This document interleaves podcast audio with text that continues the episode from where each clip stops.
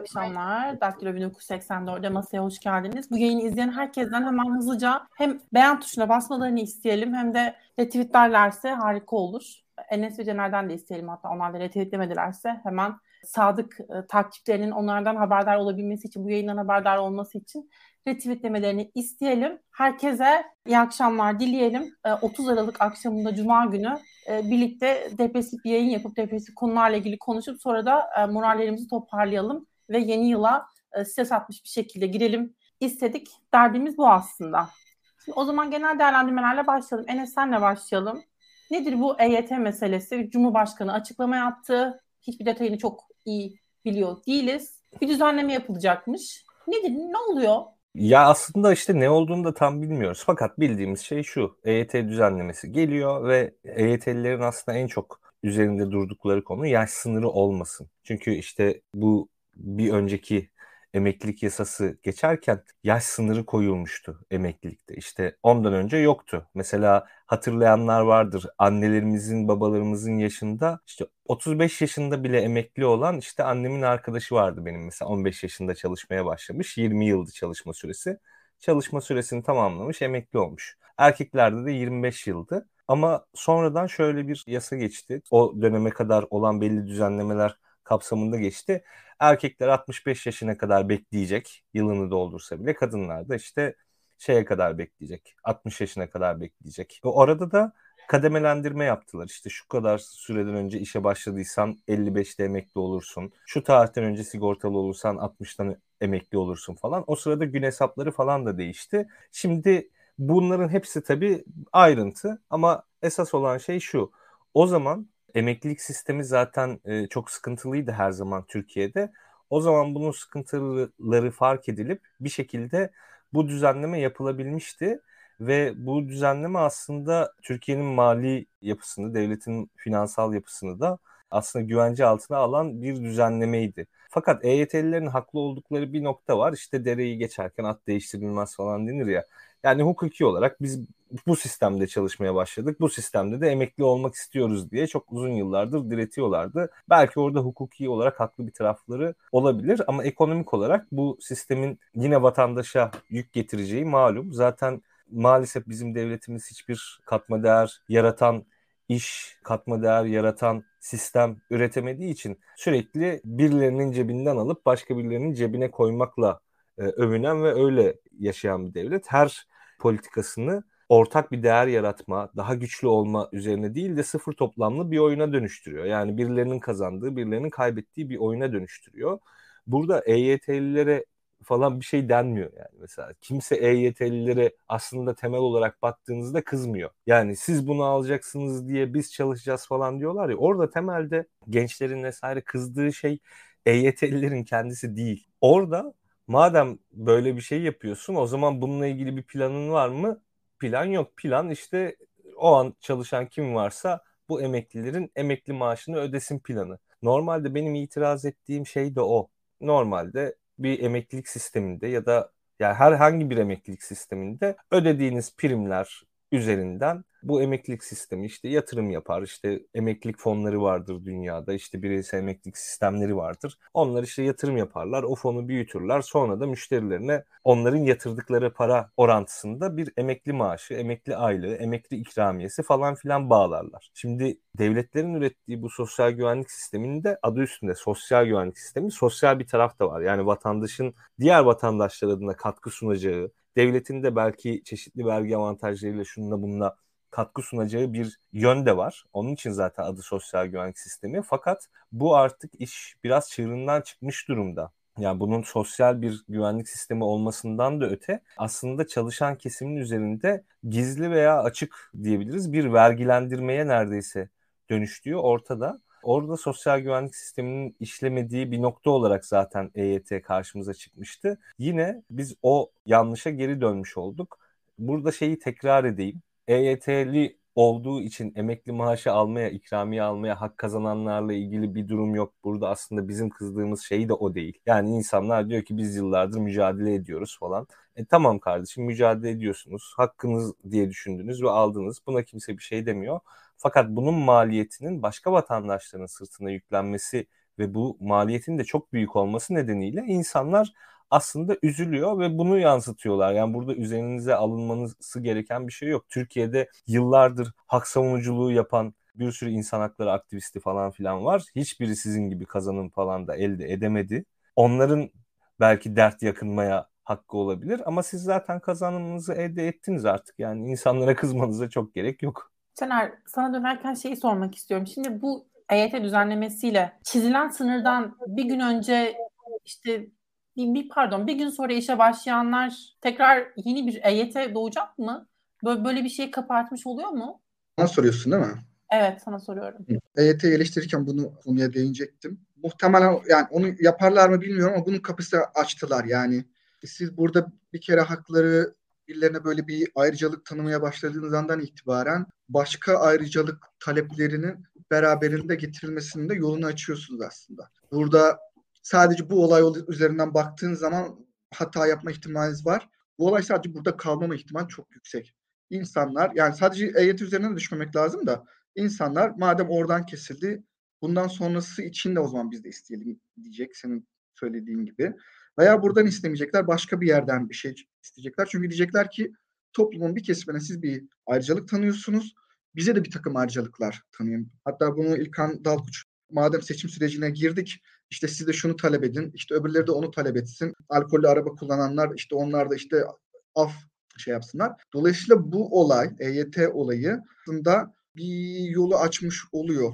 Ve de yani bu uzun süredir bu insanların erken emeklilikle erken yaşta emeklilik tarafına geçmemesi, yani geçmesi uzun süredir böyle bir şey yapılan bir konu değildi. Yani o yani bize en çok örnek gösterilen olay işte Süleyman Demirel'in döneminde insanların işte az önce Enes'in anlattığı gibi 35-40 yaşlarında emekli olmasıydı. Sonra da iş gittikçe hani tüm dünyada aslında insanların çok daha geç yaşlarda e, emekli olmasına doğru gitti. Şimdi tekrardan dönüp yine oralarda, yine olmayacak yerlerde yani dünyanın gittiği yerin tam tersi bir yerde biz insanları emekli edelim şeyini başlattığınız zaman bugün bu olur. Yarın başka işte dediğiniz gibi 8, 8 Eylül müydü tarih tam hatırlamıyorum da işte 8 Eylül tarihinden bir gün sonraki dönemde işte TGK primini ödemeye başlayanlar bir şeyler talep ederler. Onlar olmaz. Başka bir zaman yine bu konu tekrardan 65 yaştan geri döner. İşte yine 40'lı yaşlarda biz emekli olmak istiyoruz diyen bir gruplar çıkar. Dolayısıyla tarihin toz raflarında kalması gereken bir şey, bir popülist uygulama bugün tekrar dönmüş durumda.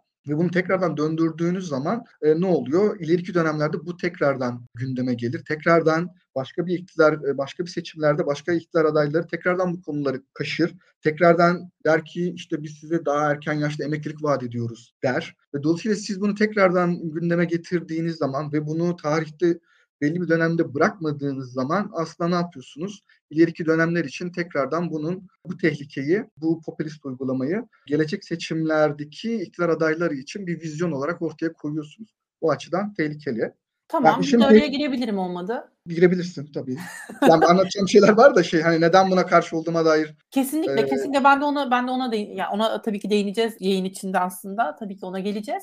Unutmadan Enes retweetlememişsin bize. Tekrar hatırlatalım sana Yo retweetledim. Retweetledin mi? Ben görmedim o zaman bilmiyorum. Bu en sonuncuyu retweetlememiş olabilirsin ama sen Yok, bilirsin. Hepsi. Tamam. Şimdi mesela oturdum ben e, işte bugün EYT hakkımı kazandığımı öğrendim. Primlerimi falan da yatırmıştım hasper kadar 40 küsur yaşında falanım. Ben neden bu düzenlemeye karşı olmalıyım? Yani benim çıkarlarımı, benim biricik bir çıkarım varsa devletten şu an sağlanmış olacak belli ki. Ama bütün toplumun çıkarı için belki da uzun vadeli çıkarlarım için mi karşı olmam gerekir? E, burada nasıl bir dil kullanabiliriz? Nasıl bir argümantasyon, argümantasyon geliştirebiliriz sence?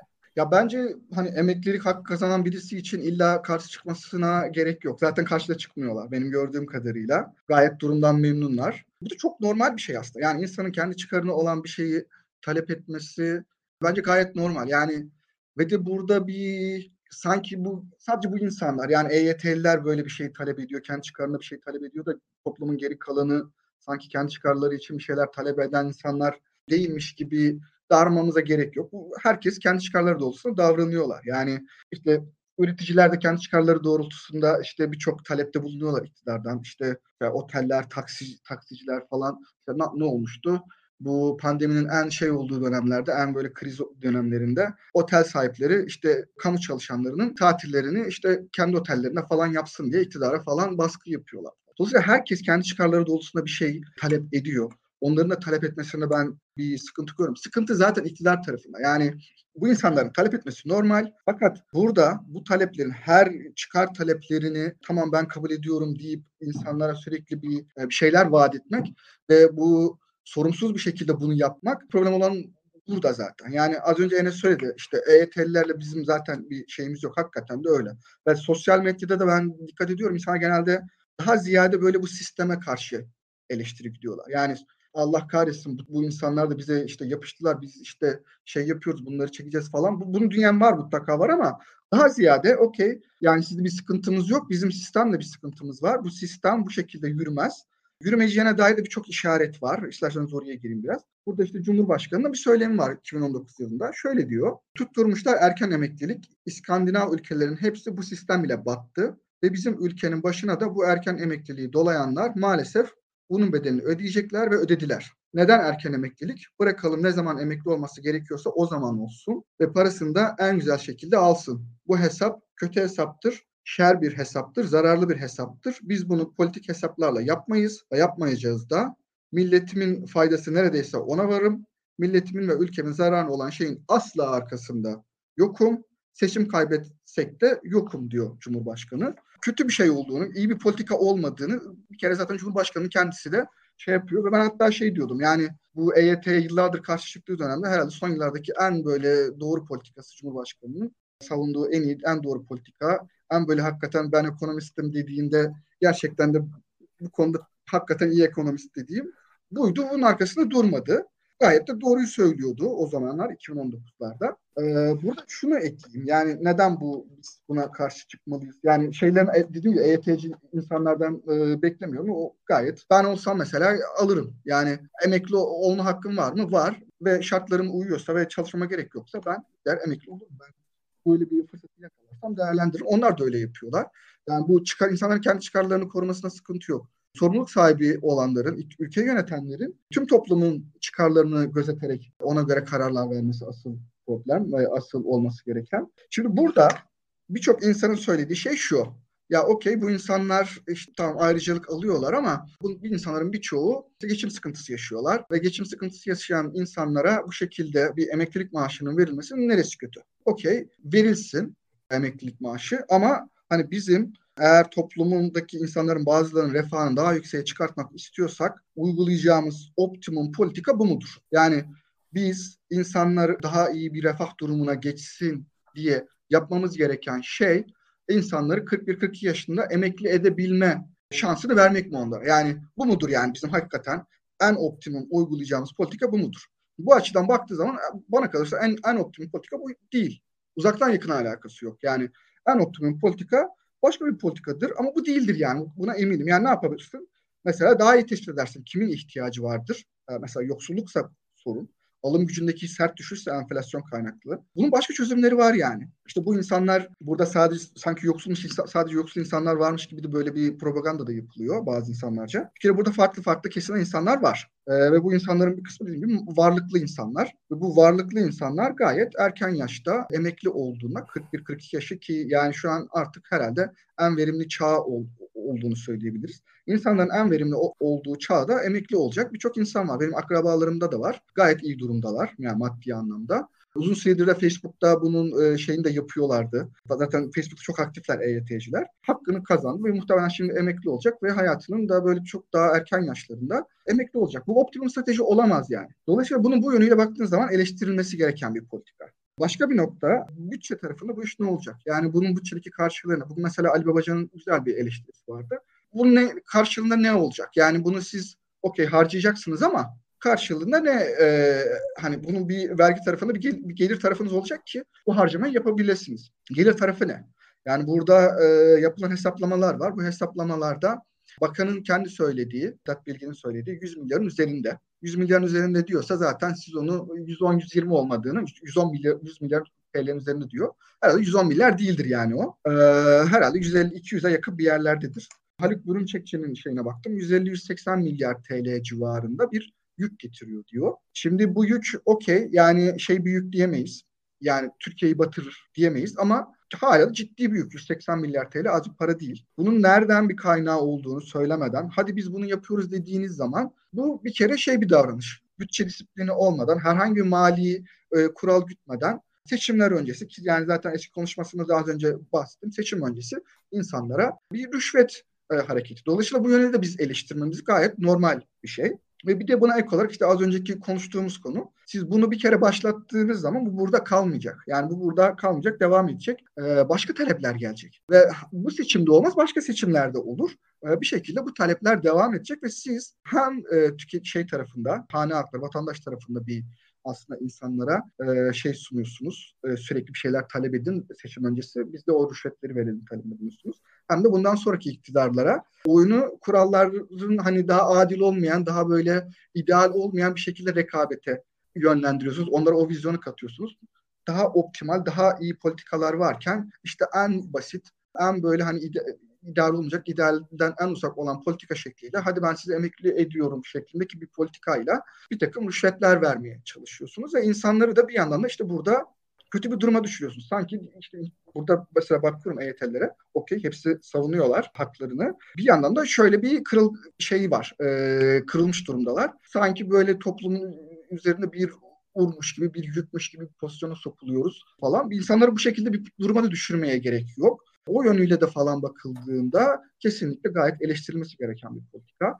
Eğer insanların alım gücünü arttırmak istiyorsanız bunun daha ideal, daha optimal şeyleri var, yolları var. Onun yerine en olmayacak politikalardan bir tanesini güderekten siz 40'lı yaşlarda insanların emekli olabilme hakkını veriyorsunuz. Çok çok korkunç bir şey bu aslında. Yani e, tabii insanların birçoğu bunda emekli olmayacak. Öyle de söyleyenler var. E, yani insanlar çalışmaya devam ediyor edecek diyenler var. Ama sonuç olarak yani şöyle şu soru var. Siz 42 yaşında bir insanı emekli edecek bir düzenleme yaptınız mı? Evet yani bunu yaptıysanız zaten kötü bir politikadır yani. Bunu bunu eleştirmekten daha doğal bir şey de göremiyorum yani ben.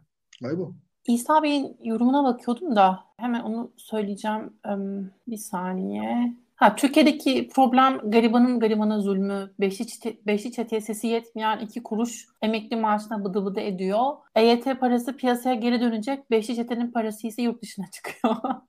buna biraz gülüyorum çünkü olum yani buradaki tek ölçümüz paranın bir şekilde yurt içinde kalması, piyasada kalması mı? Pek değil sanki. Ama yine de ekonomiden çok anlamadığım için derin yorumlar yapmayacağım. Gerçek bu yayına başlamadan önce onu düşünüyordum. Acaba bu yayını bir şekilde modere etmek için bile doğru kişi ben miyim, doğru soruları sorabilir miyim diye. Sonra dedim ki Nurettin Nebati'nin Maliye Bakanı olduğu bir ülkeden geliyorum. O yüzden neden neden olmasın ki? Artı dedim yeterli ekonomi bilgisine sahip olmamak belki programı daha iyi yönlendirmeme yol açar.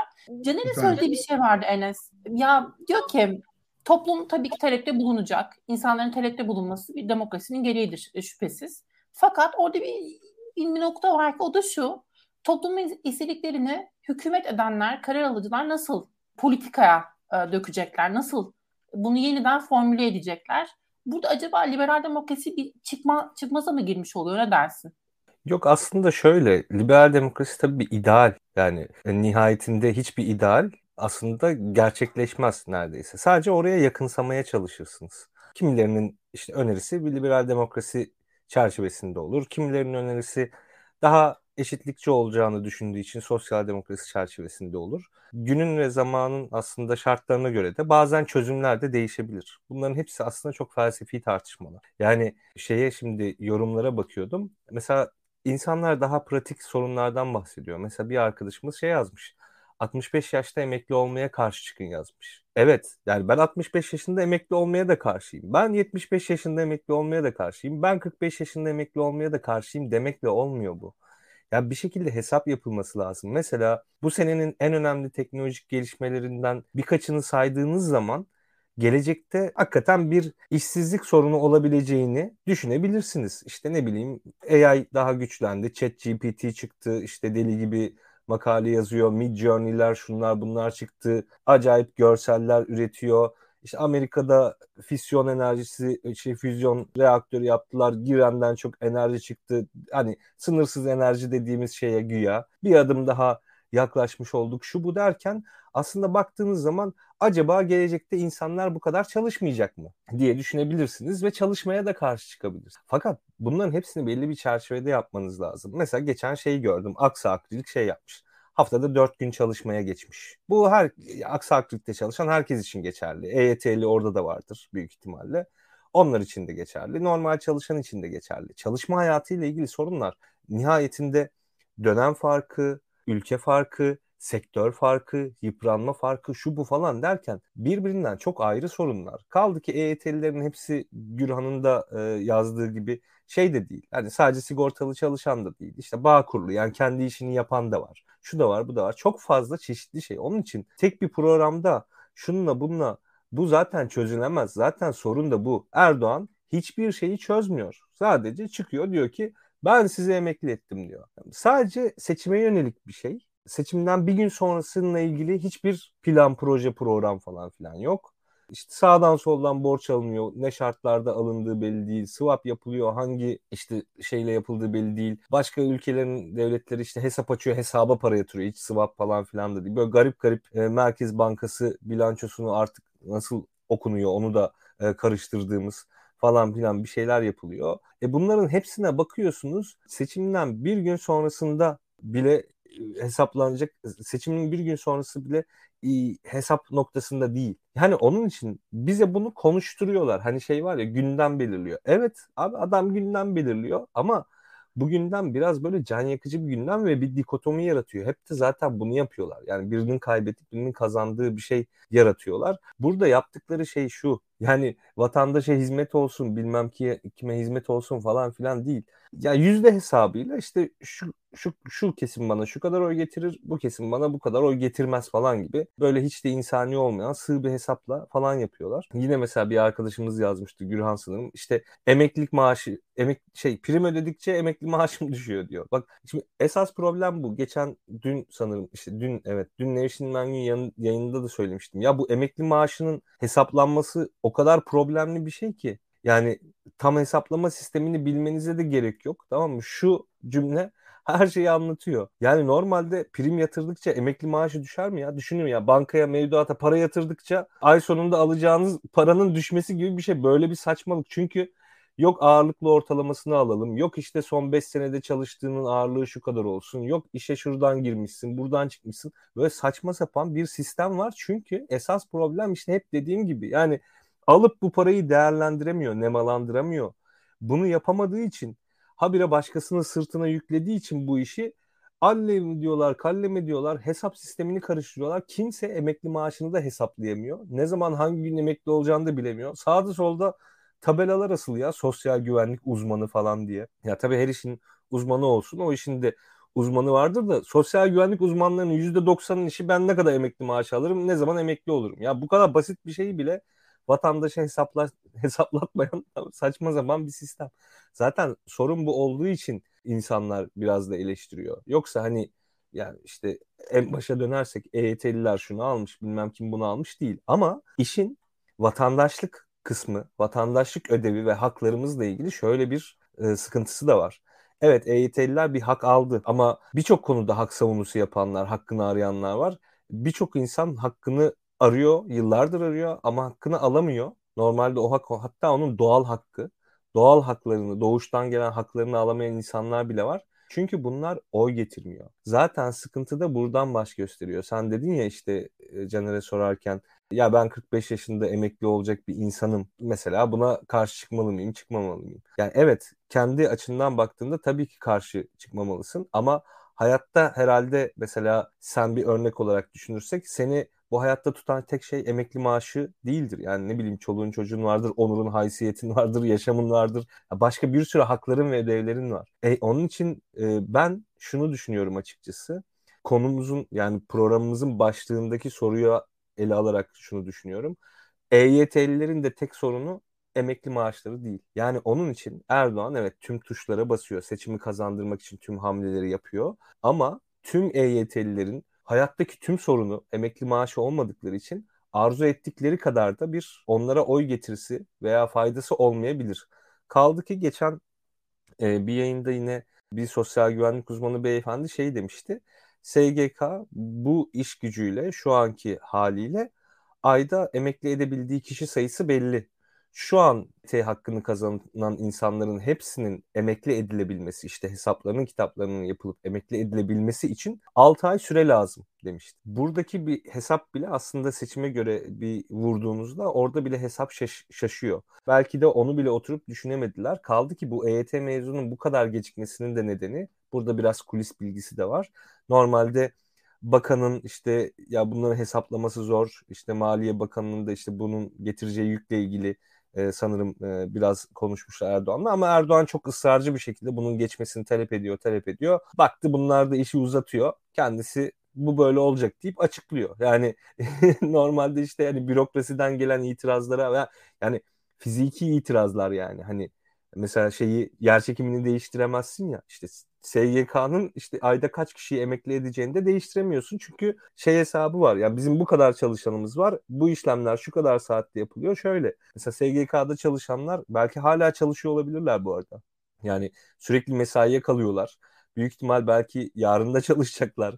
Büyük ihtimal önümüzdeki aylar boyunca cumartesi, pazarları falan bile çalışmaya zorlanacaklar. SGK'da hani memur bunlar ama yani yine de zorlanacaklar diye düşünüyorum. Enes, Böyle bir fizik kurallarını zorlama durumu var. düşünmüştür. Yani nasıl olsa hesaplanırken işte bir şeyler bulurlar belki. Bulamazlarsa da buldukları kadar falan. Mesele evet. söz vermiştik olsun. Tabii, Çünkü zaten yasa, bağlayıcı bir şey yapmadı.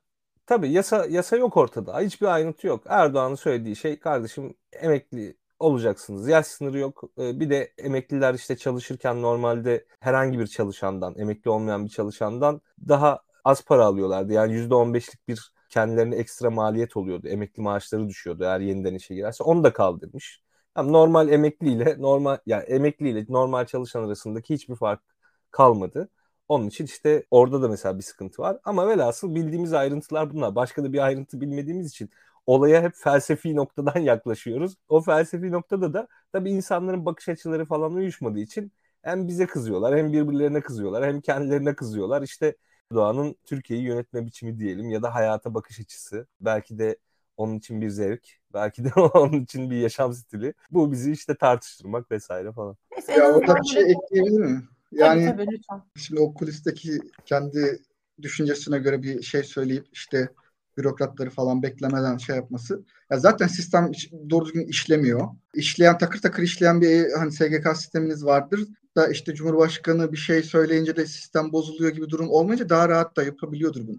Yani zaten sistem işlemiyor. Biraz da hadi şey, EYT'lileri de ekleyelim. Onlar da 42 yaşında, 45 yaşında, 50 yaşında emekli olsun. Demek bu çok daha kolay bir şeydir. İşleyen sistemde bunu bozar mıyız biraz daha tereddütle şey yaparsın da zaten işlemeyen sistemde yani hiçbir şey işlemiyor zaten doğru bu sistemde. Dolayısıyla bir şeyleri vaat etmek de çok daha kolay oluyordur muhtemelen. Çünkü az önce söylediği gibi yani 99'a kadar olan bir kayıt dönemi var. Prim ödemeye orada başlayanlar için ayrı bir dönem var. 90 2000 ile 2008 için ayrı bir dönem var. 2008 sonrası için ayrı bir dönem var. Sistemi o kadar allak bullak etmişler ki az önceki problem ortaya çıkıyor. Siz daha çok çalıştıkça, daha çok sigorta primi ödedikçe daha düşük maaş aldığınız bir sistem ortaya çıkmış. Bugün İbrahim Kahveci'nin bir yazısını okudum da bir yılda e, yani EYT'den dolayı bir yıldaki şeyi maaşı 14 binden 7 bine falan düşmüş. Daha fazla çalıştığı için maaşında büyük bir gerileme olmuş. Sistem böyle bir sistem aslında bizim yani insanların EYT'ye karşı çıkarak ve dolayısıyla SGK işte emeklilik falan bunları tartışarak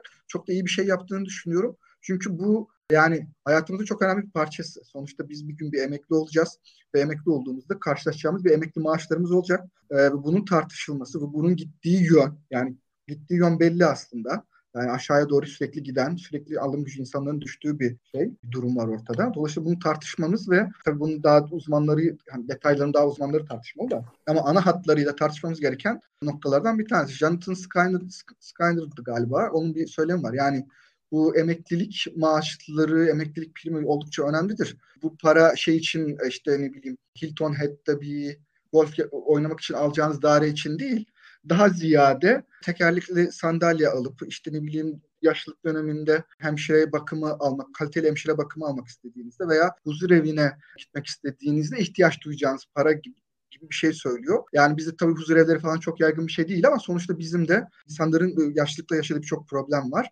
Gittikçe düşen maaşlar neticesiyle de hayatlarının en yani en son aşamasında çok sert bir düşüş yaşayabiliyorlar. O nedenle çok konuşulması gereken, çok tartışılması gereken bir konu. Biz bunu böyle tartışmayalım. Hadi ya bu da bu da geçti okey sıkıntı yok. İnsanlar refah artsın falan bu şekilde yaklaştığınız zaman yani çok büyük bir ülke problemi. Çok insanın yani en temel insana en temelden dokunan bir şeyi konuşmadan geçip gitmemizi bekleniyor. Böyle bir şey bence doğru değil yani.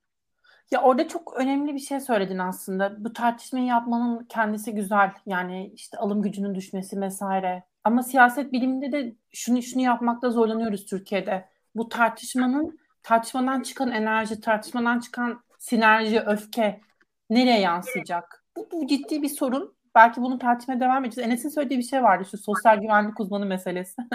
Ona güldüm.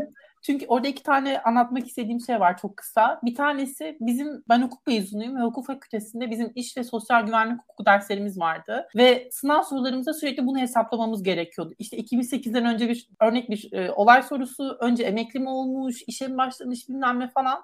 Hiç yapamadım. Yani sevmiyorum çünkü. Çünkü bana anlamsız ve saçma geliyordu. Bu birinci örnek. İkincisi de bu sosyal güvenlik uzmanlarına gitmedi ama e, gerek annem gerek işte annemin yakın arkadaşı Fatoş teyze onlar tın tın tın. Hatırlıyorum yani konuşmaların en önemli gündemlerinden bir tanesi ne kadar kaldı? Emeklilerin ne kadar kaldı? Çünkü çalışma koşulları iyi olmayınca ya da insanlar bir şekilde işte kendini iyi hissetmeyince, güvende hissetmeyince hayatta bekledikleri tek şey acaba ne zaman bu esaretten bu garip kölelikten nasıl kurtulurum hissi oluyor. O yüzden aslında EYT düzenlemesi birçok insanın içine belki şey düzenleme de değil de bu işte beyanat artık nasıl ifade edelim bir hukuk devletinde karşılaşamayacağımız türden garip bir şey aslında bu. Biri bir salık veriyor, buyruk veriyor bilmiyorum nasıl adlandırmak gerekir. E, böyle bir şey yaptı ama bir sürü insan muhtemelen kendini çok iyi hissetti. Güne güzel başladı ve bu enerjiyi nasıl ödeyecekler çok merak ediyorum ama o kadar harika bir şey olmadı aslında.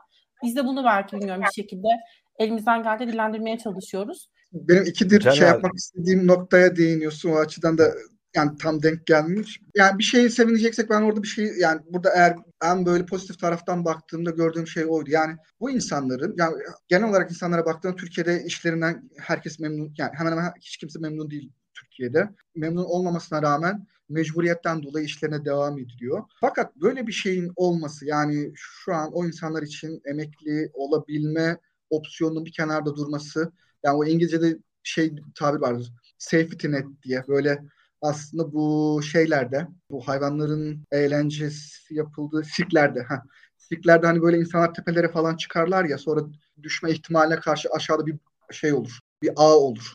O ona safety net deniyor da onun böyle bu sistemdeki şeyi de odur. Yani sizin en azından yani bu insanlar için e, alım gücünün yanında hatta bence daha da önemli bir şey bir opsiyon olarak eğer işinden memnun değillerse ve sonra karşı bir res çekebilme şey varsa bu, bu buradaki bu safety net olarak bu emekli olabilme ihtimalleri orada bir güvence olarak duracak. Yani bu açıdan bakıldığında aslında pozitif bir taraf olarak bunu söyleyebilirim yani. Ki sen söyledin ben söylemedim de daha. Burada ben şey düzelteyim ya annemle Fatih şu an emekli oluyor değiller. Onlar oldular. Hı-hı. Hem de genç yaşta oldular. Onlar da kaç 46-47 falan işte yani. Allah uzun ömür versin. Mi ee, diyelim. Ee, amin. amin.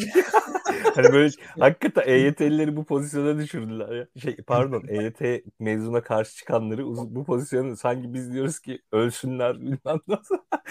şey gibi böyle vicdansızmışız gibi ya öyle değil ya işte bu iş yani bir tartışma işi işte Caner'in dediği gibi. Ya şimdi biz iktidarı eleştirdik. Enes e, sen söyledin söyleyeceğini ama bir de bu işin muhalefet tarafı var. Gel gelelim. Yani bu da böyle bir günde e, sloganlaşmadı. Tabii iyi örgütlenen insanlar var. Gerek sosyal medyada olsun gerek işte eylem yaptılar, sokağa çıktılar. Cidden bir e, adeta hak mücadelesi. Bilmiyorum nasıl ifade etmek gerekir. Bayağı dillendirdiler taleplerini ve sonrasında muhalefet de bunu bayağı sahiplendi. Gerek Kılıçdaroğlu, gerek Akşener, Davutoğlu da işte açıklama yaptı, o da destekliyor.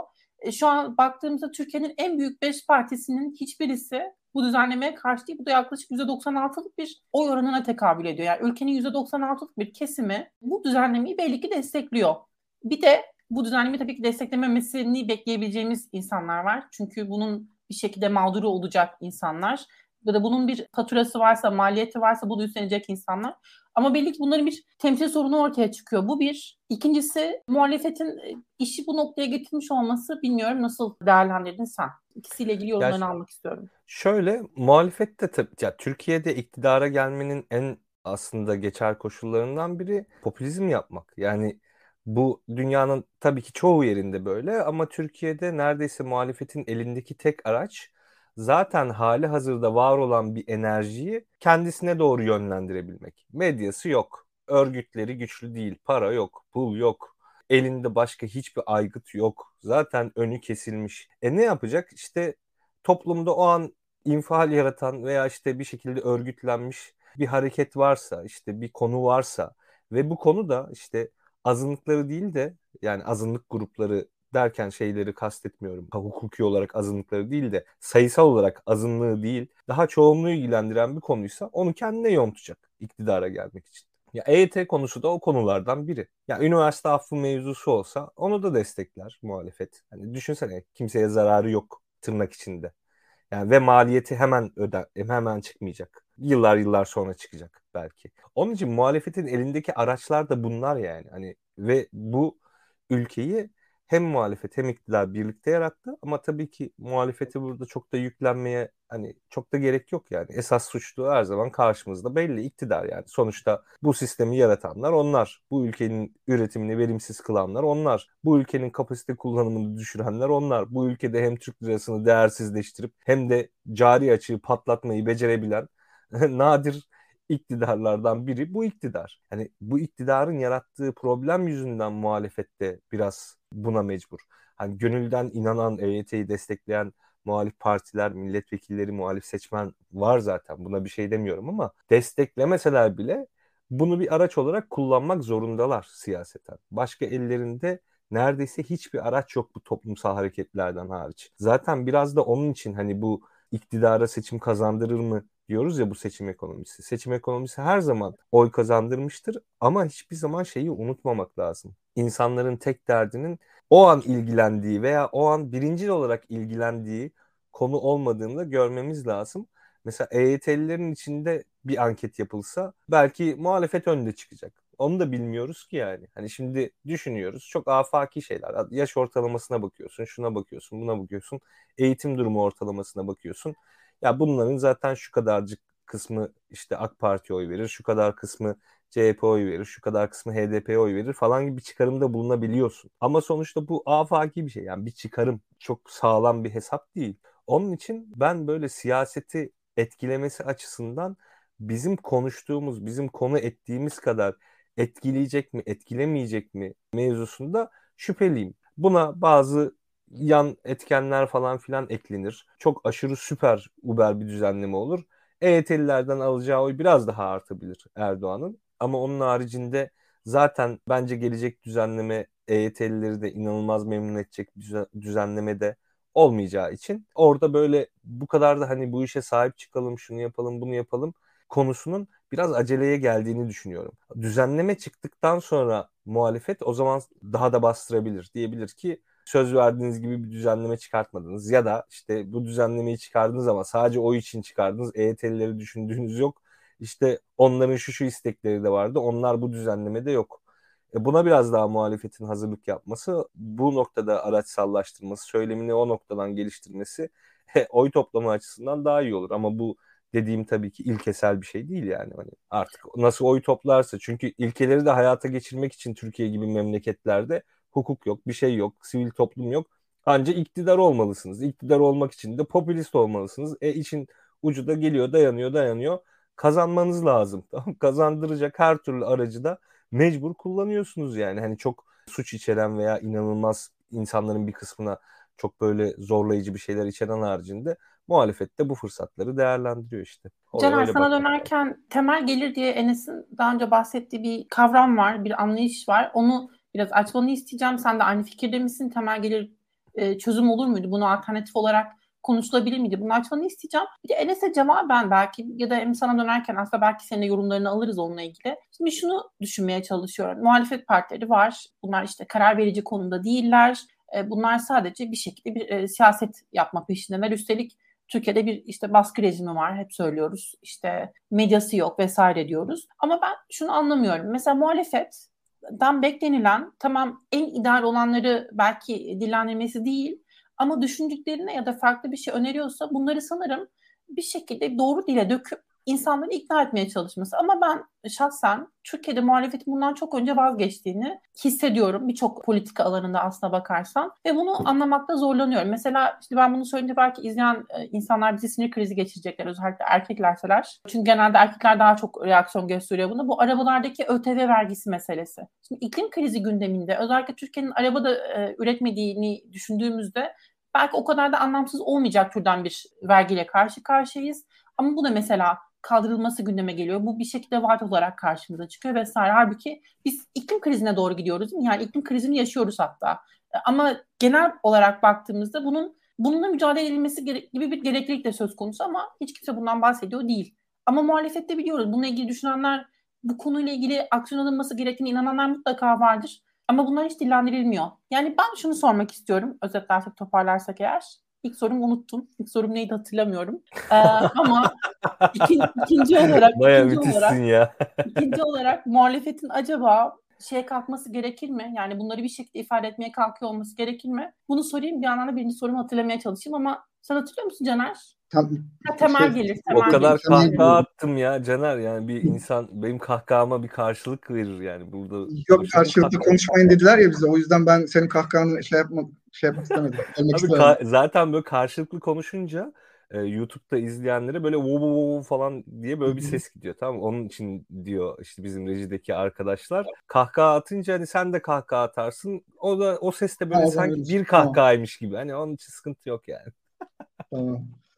Espri falan yaptığında öyle arkadan şey şeylerde komedi dizilerine falan arkadan şey gelir ya onun Efekt. gibi efekt olarak eklerim ben de. Ya bu ikinciden başlayayım. Ee, bunu bu tür politikaları sunmak çok kolay değil. Yani iklim krizi geliyor.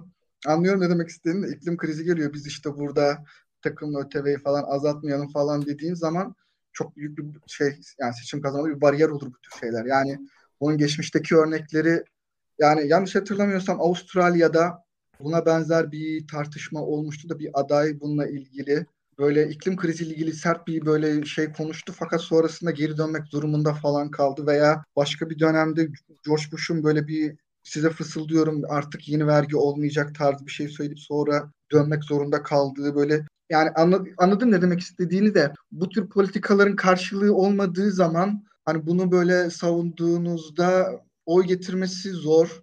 Zor değil. Ben yani oy, oy getirir mi sence? Bence getirmez. E, oy mu getirmeyen bir şeyi yani bu, bu arada bunu şeyde gördük biraz da. Yani bu Jeremy Rifkin'in konuşmasından sonra gelen tepkilerde yani Türkiye'nin şimdi sorunu iklim krizi mi? Bu mu daha öncelikli konu falan diye çok e, eleştiriler de aldılar. Dolayısıyla yani geliyor öyle bir kriz geliyor ama buna Türkiye'deki bir iktidar yani buradaki gelişmiş ülkelerdeki iktidarlar bile buna şey yapmakta çok zorlanıyorlar. Çünkü bu iş maliyetli bir iş. Yani işte bu vergi de maliyetli veya daha böyle başka konulardaki böyle iklim krizinin beraberinde getireceği hayatın pahalılaşmasını savunmak sizin için tabii ki oy kaybı. Oy kaybının olduğu yerde bunu şey yaptığın zaman zaten erkekler de tepki göstermiş.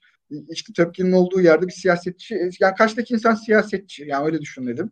Bir siyasetçi bunu ne kadar yapar? Çok zor bir şey yani bunu bu, hiç kolay değil. Yani ben beklemem yani bir siyasetçiden böyle bir şeyi beklemem.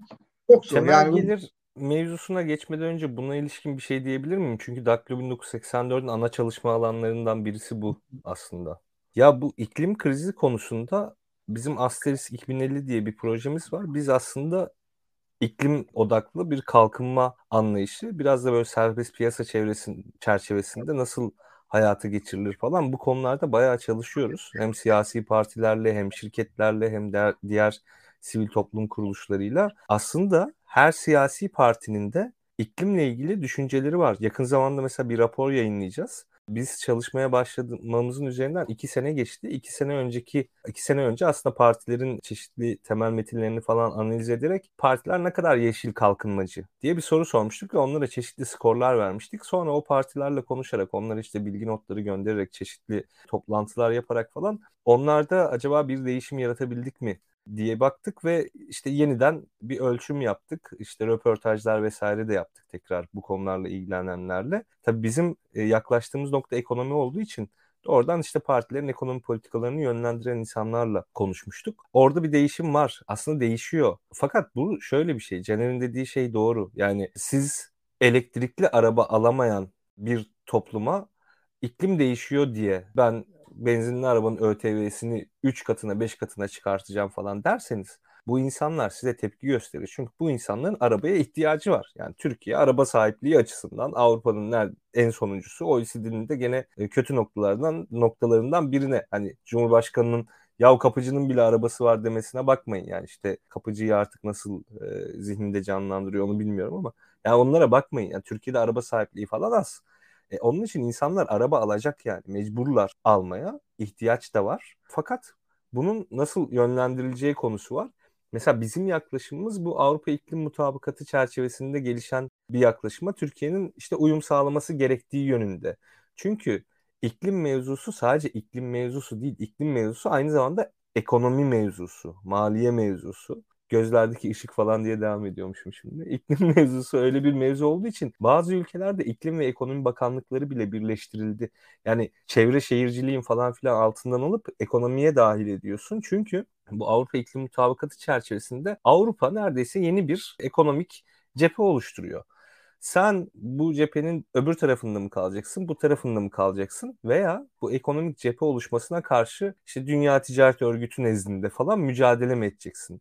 Ülkelerin özellikle de Türkiye'nin buna karar vermesi lazım. Bizim Raklı 1984 olarak temelde görüşümüz Avrupa İklim Mutabakatı'na Türkiye'nin uyum sağlamasının Türkiye'nin uzun vadeli ekonomik çıkarlarıyla daha orantılı olacağı, ekonomik çıkarlarının daha iyi bir şekilde gerçekleşeceği, Türkiye'de refahı artırabileceği etkiyi artırabileceği yönünde etkisinde etkisi artırabilecek pardon artırıcı etkide bulunacağı bir türlü söyleyemedim yönünde. O nedenle hani bizim Asterisk 2050 hesabını ve işte web sitesinde o bölümü takip edebilir insanlar. Yakında raporumuz da çıkacak. O, oradan da haberdar olabilirsiniz. Hem Twitter'da hem Instagram'da hem de web sitesinde varız. Onu bir parantez açıp söyleyeyim dedim temel gelir mevzusuna da bence çok, geçebiliriz. Çok az ben zaten kaldı. İkişer üçer dakikalık Caner'in şeyini alacağım. merak ediyorum.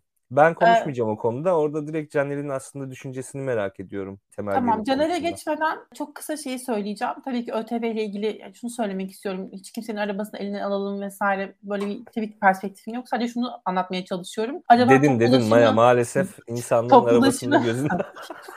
toplu ulaşımı acaba yayabilir miyiz? Ee, acaba daha yeşil şeyler yaratabilir miyiz? Arabalara ayırdığımız yerlerden daha fazla sını acaba bize yayalara ayırabilir miyiz? Ya tabii benim söylediğim şeyler dünya yeniden keşfetmek falan değil. Çok Batı ülkesinde olan şeyler. Acaba ben Türkiye içinde uygulayabilir miyiz diye sadece böyle naif bir şekilde düşünüyorum. Ya, ama uygulanır e... tabii. Niye uygulanmasın ya? Bunların hepsi eş zamanlı yürüyebilecek şeyler bu arada. Hı-hı. hani ya mesela şu çok önemli değil mi? Mesela ben çocuğum var. Caner'in de ikiz çocuğu var. Onun için daha da zor.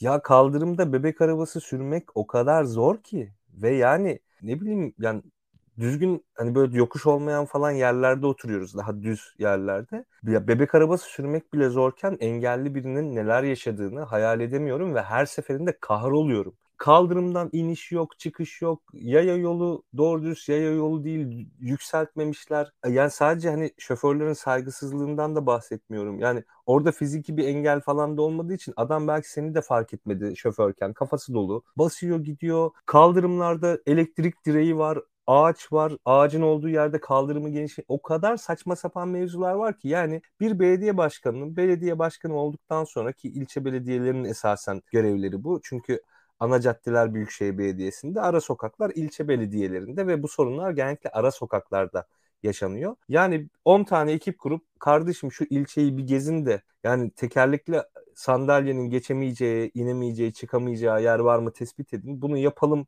demesi ya bir yılda bu sorun çözülür ya. Bu artık ÖTV ile araba sahipliği toplu ulaşımla falan filan da ilgili değil. Ya eş zamanlı o kadar basit yapılır ki ve benim bu konuda isyanım var. Geçen sene mi iki sene önce hatırlıyorsanız bir vatandaş video yayınlamıştı. Ya adam tekerlekli sandalyede kendi evine girecek.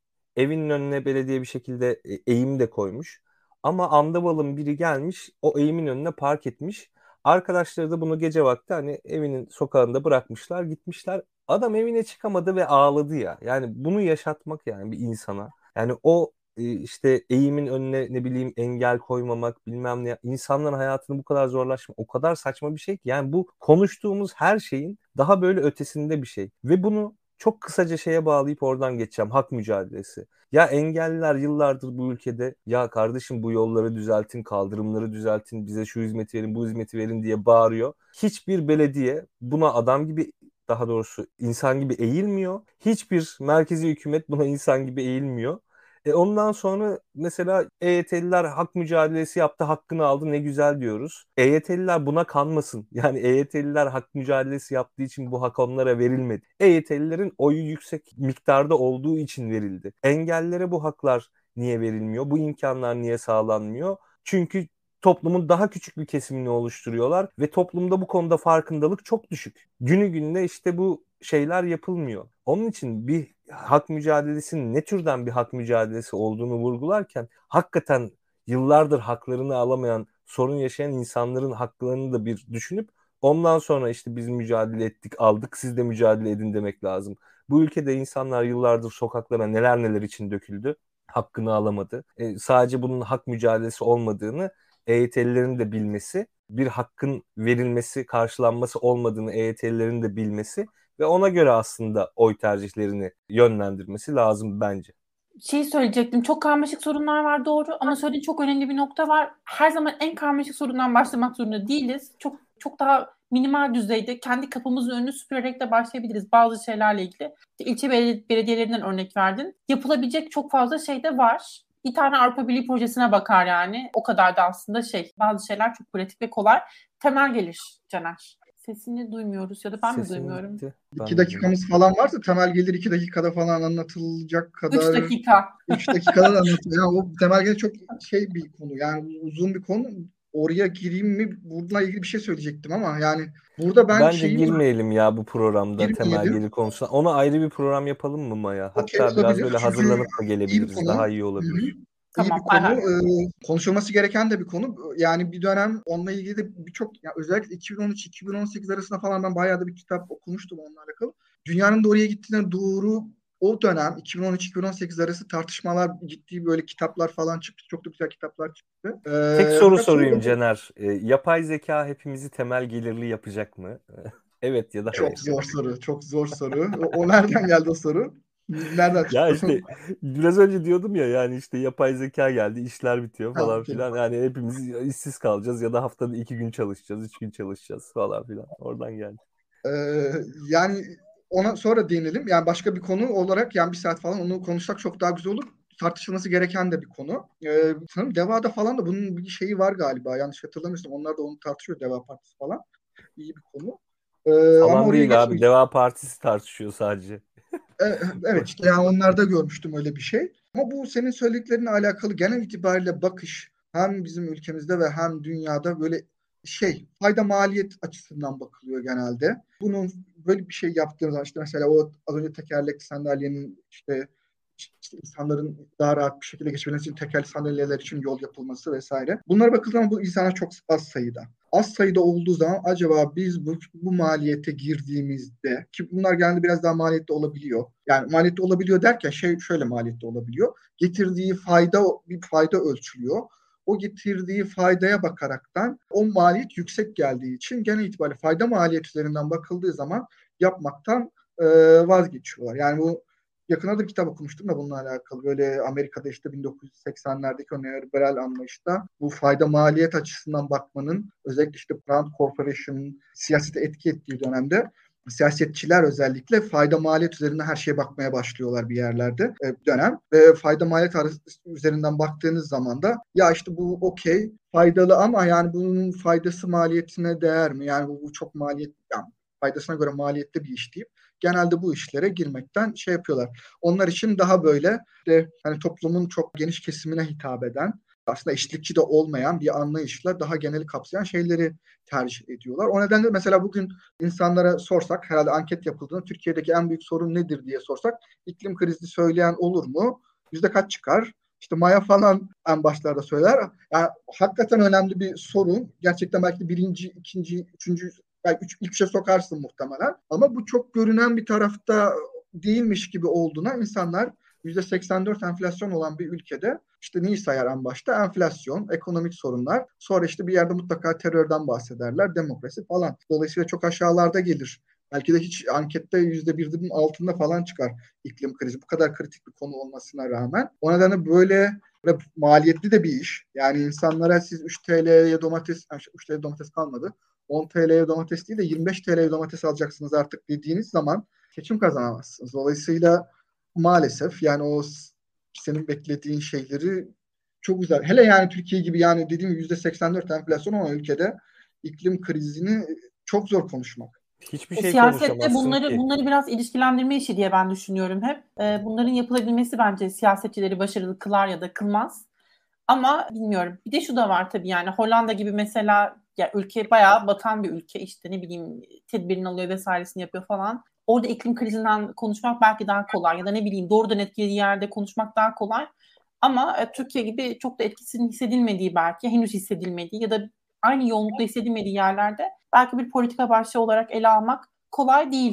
Bayağı da uzattık. Kapatalım mı artık yavaş yavaş? Olur. Ee, teşekkür son ederiz bizi ağırladığın için. Ben teşekkür ederim beni kırmadığınız Son notum şey olsun. Ya enflasyonun bu kadar yüksek, cari açığın bu kadar saçma sapan yollarla finanse edildiği falan bir ülkede yani bırak işte iklim krizini herhangi bir aslında uzun erimli soruna ilişkin çözümü konuşmak çok zor. Yani o kadar anlık problemler var ki uzun vadeli sorunları konuşmayı hep öteliyoruz. Bu öteleme de o sorunların daha da katmerli bir şekilde yine uzun vadede bizim başımıza çökmesiyle sonuçlanıyor. Ama bunu yapmaktan başka bir çare de yok neredeyse. Bunların hepsi de aslında e, bizim sayın hükümetimizin bize yansıttığı problemlerin sonucu bu konuşamama hali bardağın dolu tarafına bakarsak da dibi görmeden biliyorsunuz yukarı çıkmak mümkün değil. Belki seçimlerden hemen sonra ben size sormayı planlamıştım. Seçimin hemen ertesi günü ne olacak, nasıl bir Türkiye uyanacağız diye. Belki onu şimdi konuşamayacağız ama belki dibi göreceğiz ve sonra yukarı çıkmaya başlayacağız bir şekilde. Tekrar çalışmaya başlayacak dediler gibi e, çalışacağız hep birlikte. Bilmiyorum Çin gibi böyle bir dolara e, devam edeceğiz belki hayatımıza da bilmiyorum ben Türkiye'de yaşamıyorum artık. Ee, siz düşünün arkadaşlar. Ee, size kolay gelsin. Yeni seneler dileyelim tüm izleyenlerimize ve bir yayını daha aslında baştaki soruyu Benim son sözüm yok mu ya? Ben bana bir son söz vermeden... Lütfen, lütfen Caner. Lütfen Caner. Notlarıma şöyle baktım da hani kalan bir şeyler olarak. En başa döneceğim biraz ama yani biz EYT'yi konuştuk. EYT'yi konuştuk. EYT'yi konuşurken yani bu ülkede EYT şu an bir buçuk insan falan e, bir kişi artık şey yapacak bu ülkede. Yani bir buçuk çalışan insan bir kişinin emekliliğini e, fonlayacak artık bu ülkede. E, normali bunun dört insan işte Japonya gibi ülkelerde falan 8-10 kişiye falan çıkıyor. Yani 8 kişi sadece bir kişiyi fonluyor. Onlar daha rahat. Dolayısıyla bizim çok büyük bir e, şey problemimiz var. İnsanların emeklilik dönemindeki geçimini sağlamasını sağlayacak o emeklilik gelirlerine dair problemimiz var ve bu devam edecek. Bu çok daha büyük bir problem olacak. İnsanlar yaşlanıyor, biz yaşlanıyoruz, Türkiye yaşlanıyor.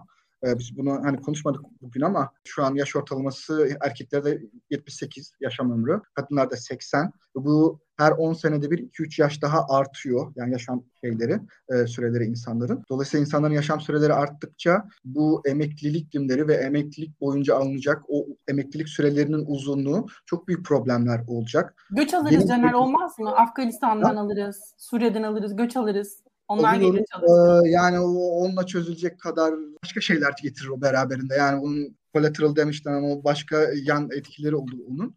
Dolayısıyla burada çok büyük problemler var. Bu problemi çözmek çok kolay. Dünya bu problemi çözmekte çok zorlanıyor. Bu emeklilik maaşlarına ben insanların beklenti çok fazla olma, çok beklentiye girmemelerini tavsiye ederim. Onun yerine yani biraz karikatürize ediliyorum bazen de sermaye piyasalarına girip borsa gibi yerlerden emekli olmaya çalışmalarında fayda var. Bu Maya'yı da e, kapsıyor. Kendisini davet ettim daha önce. O gelmedi borsaya falan.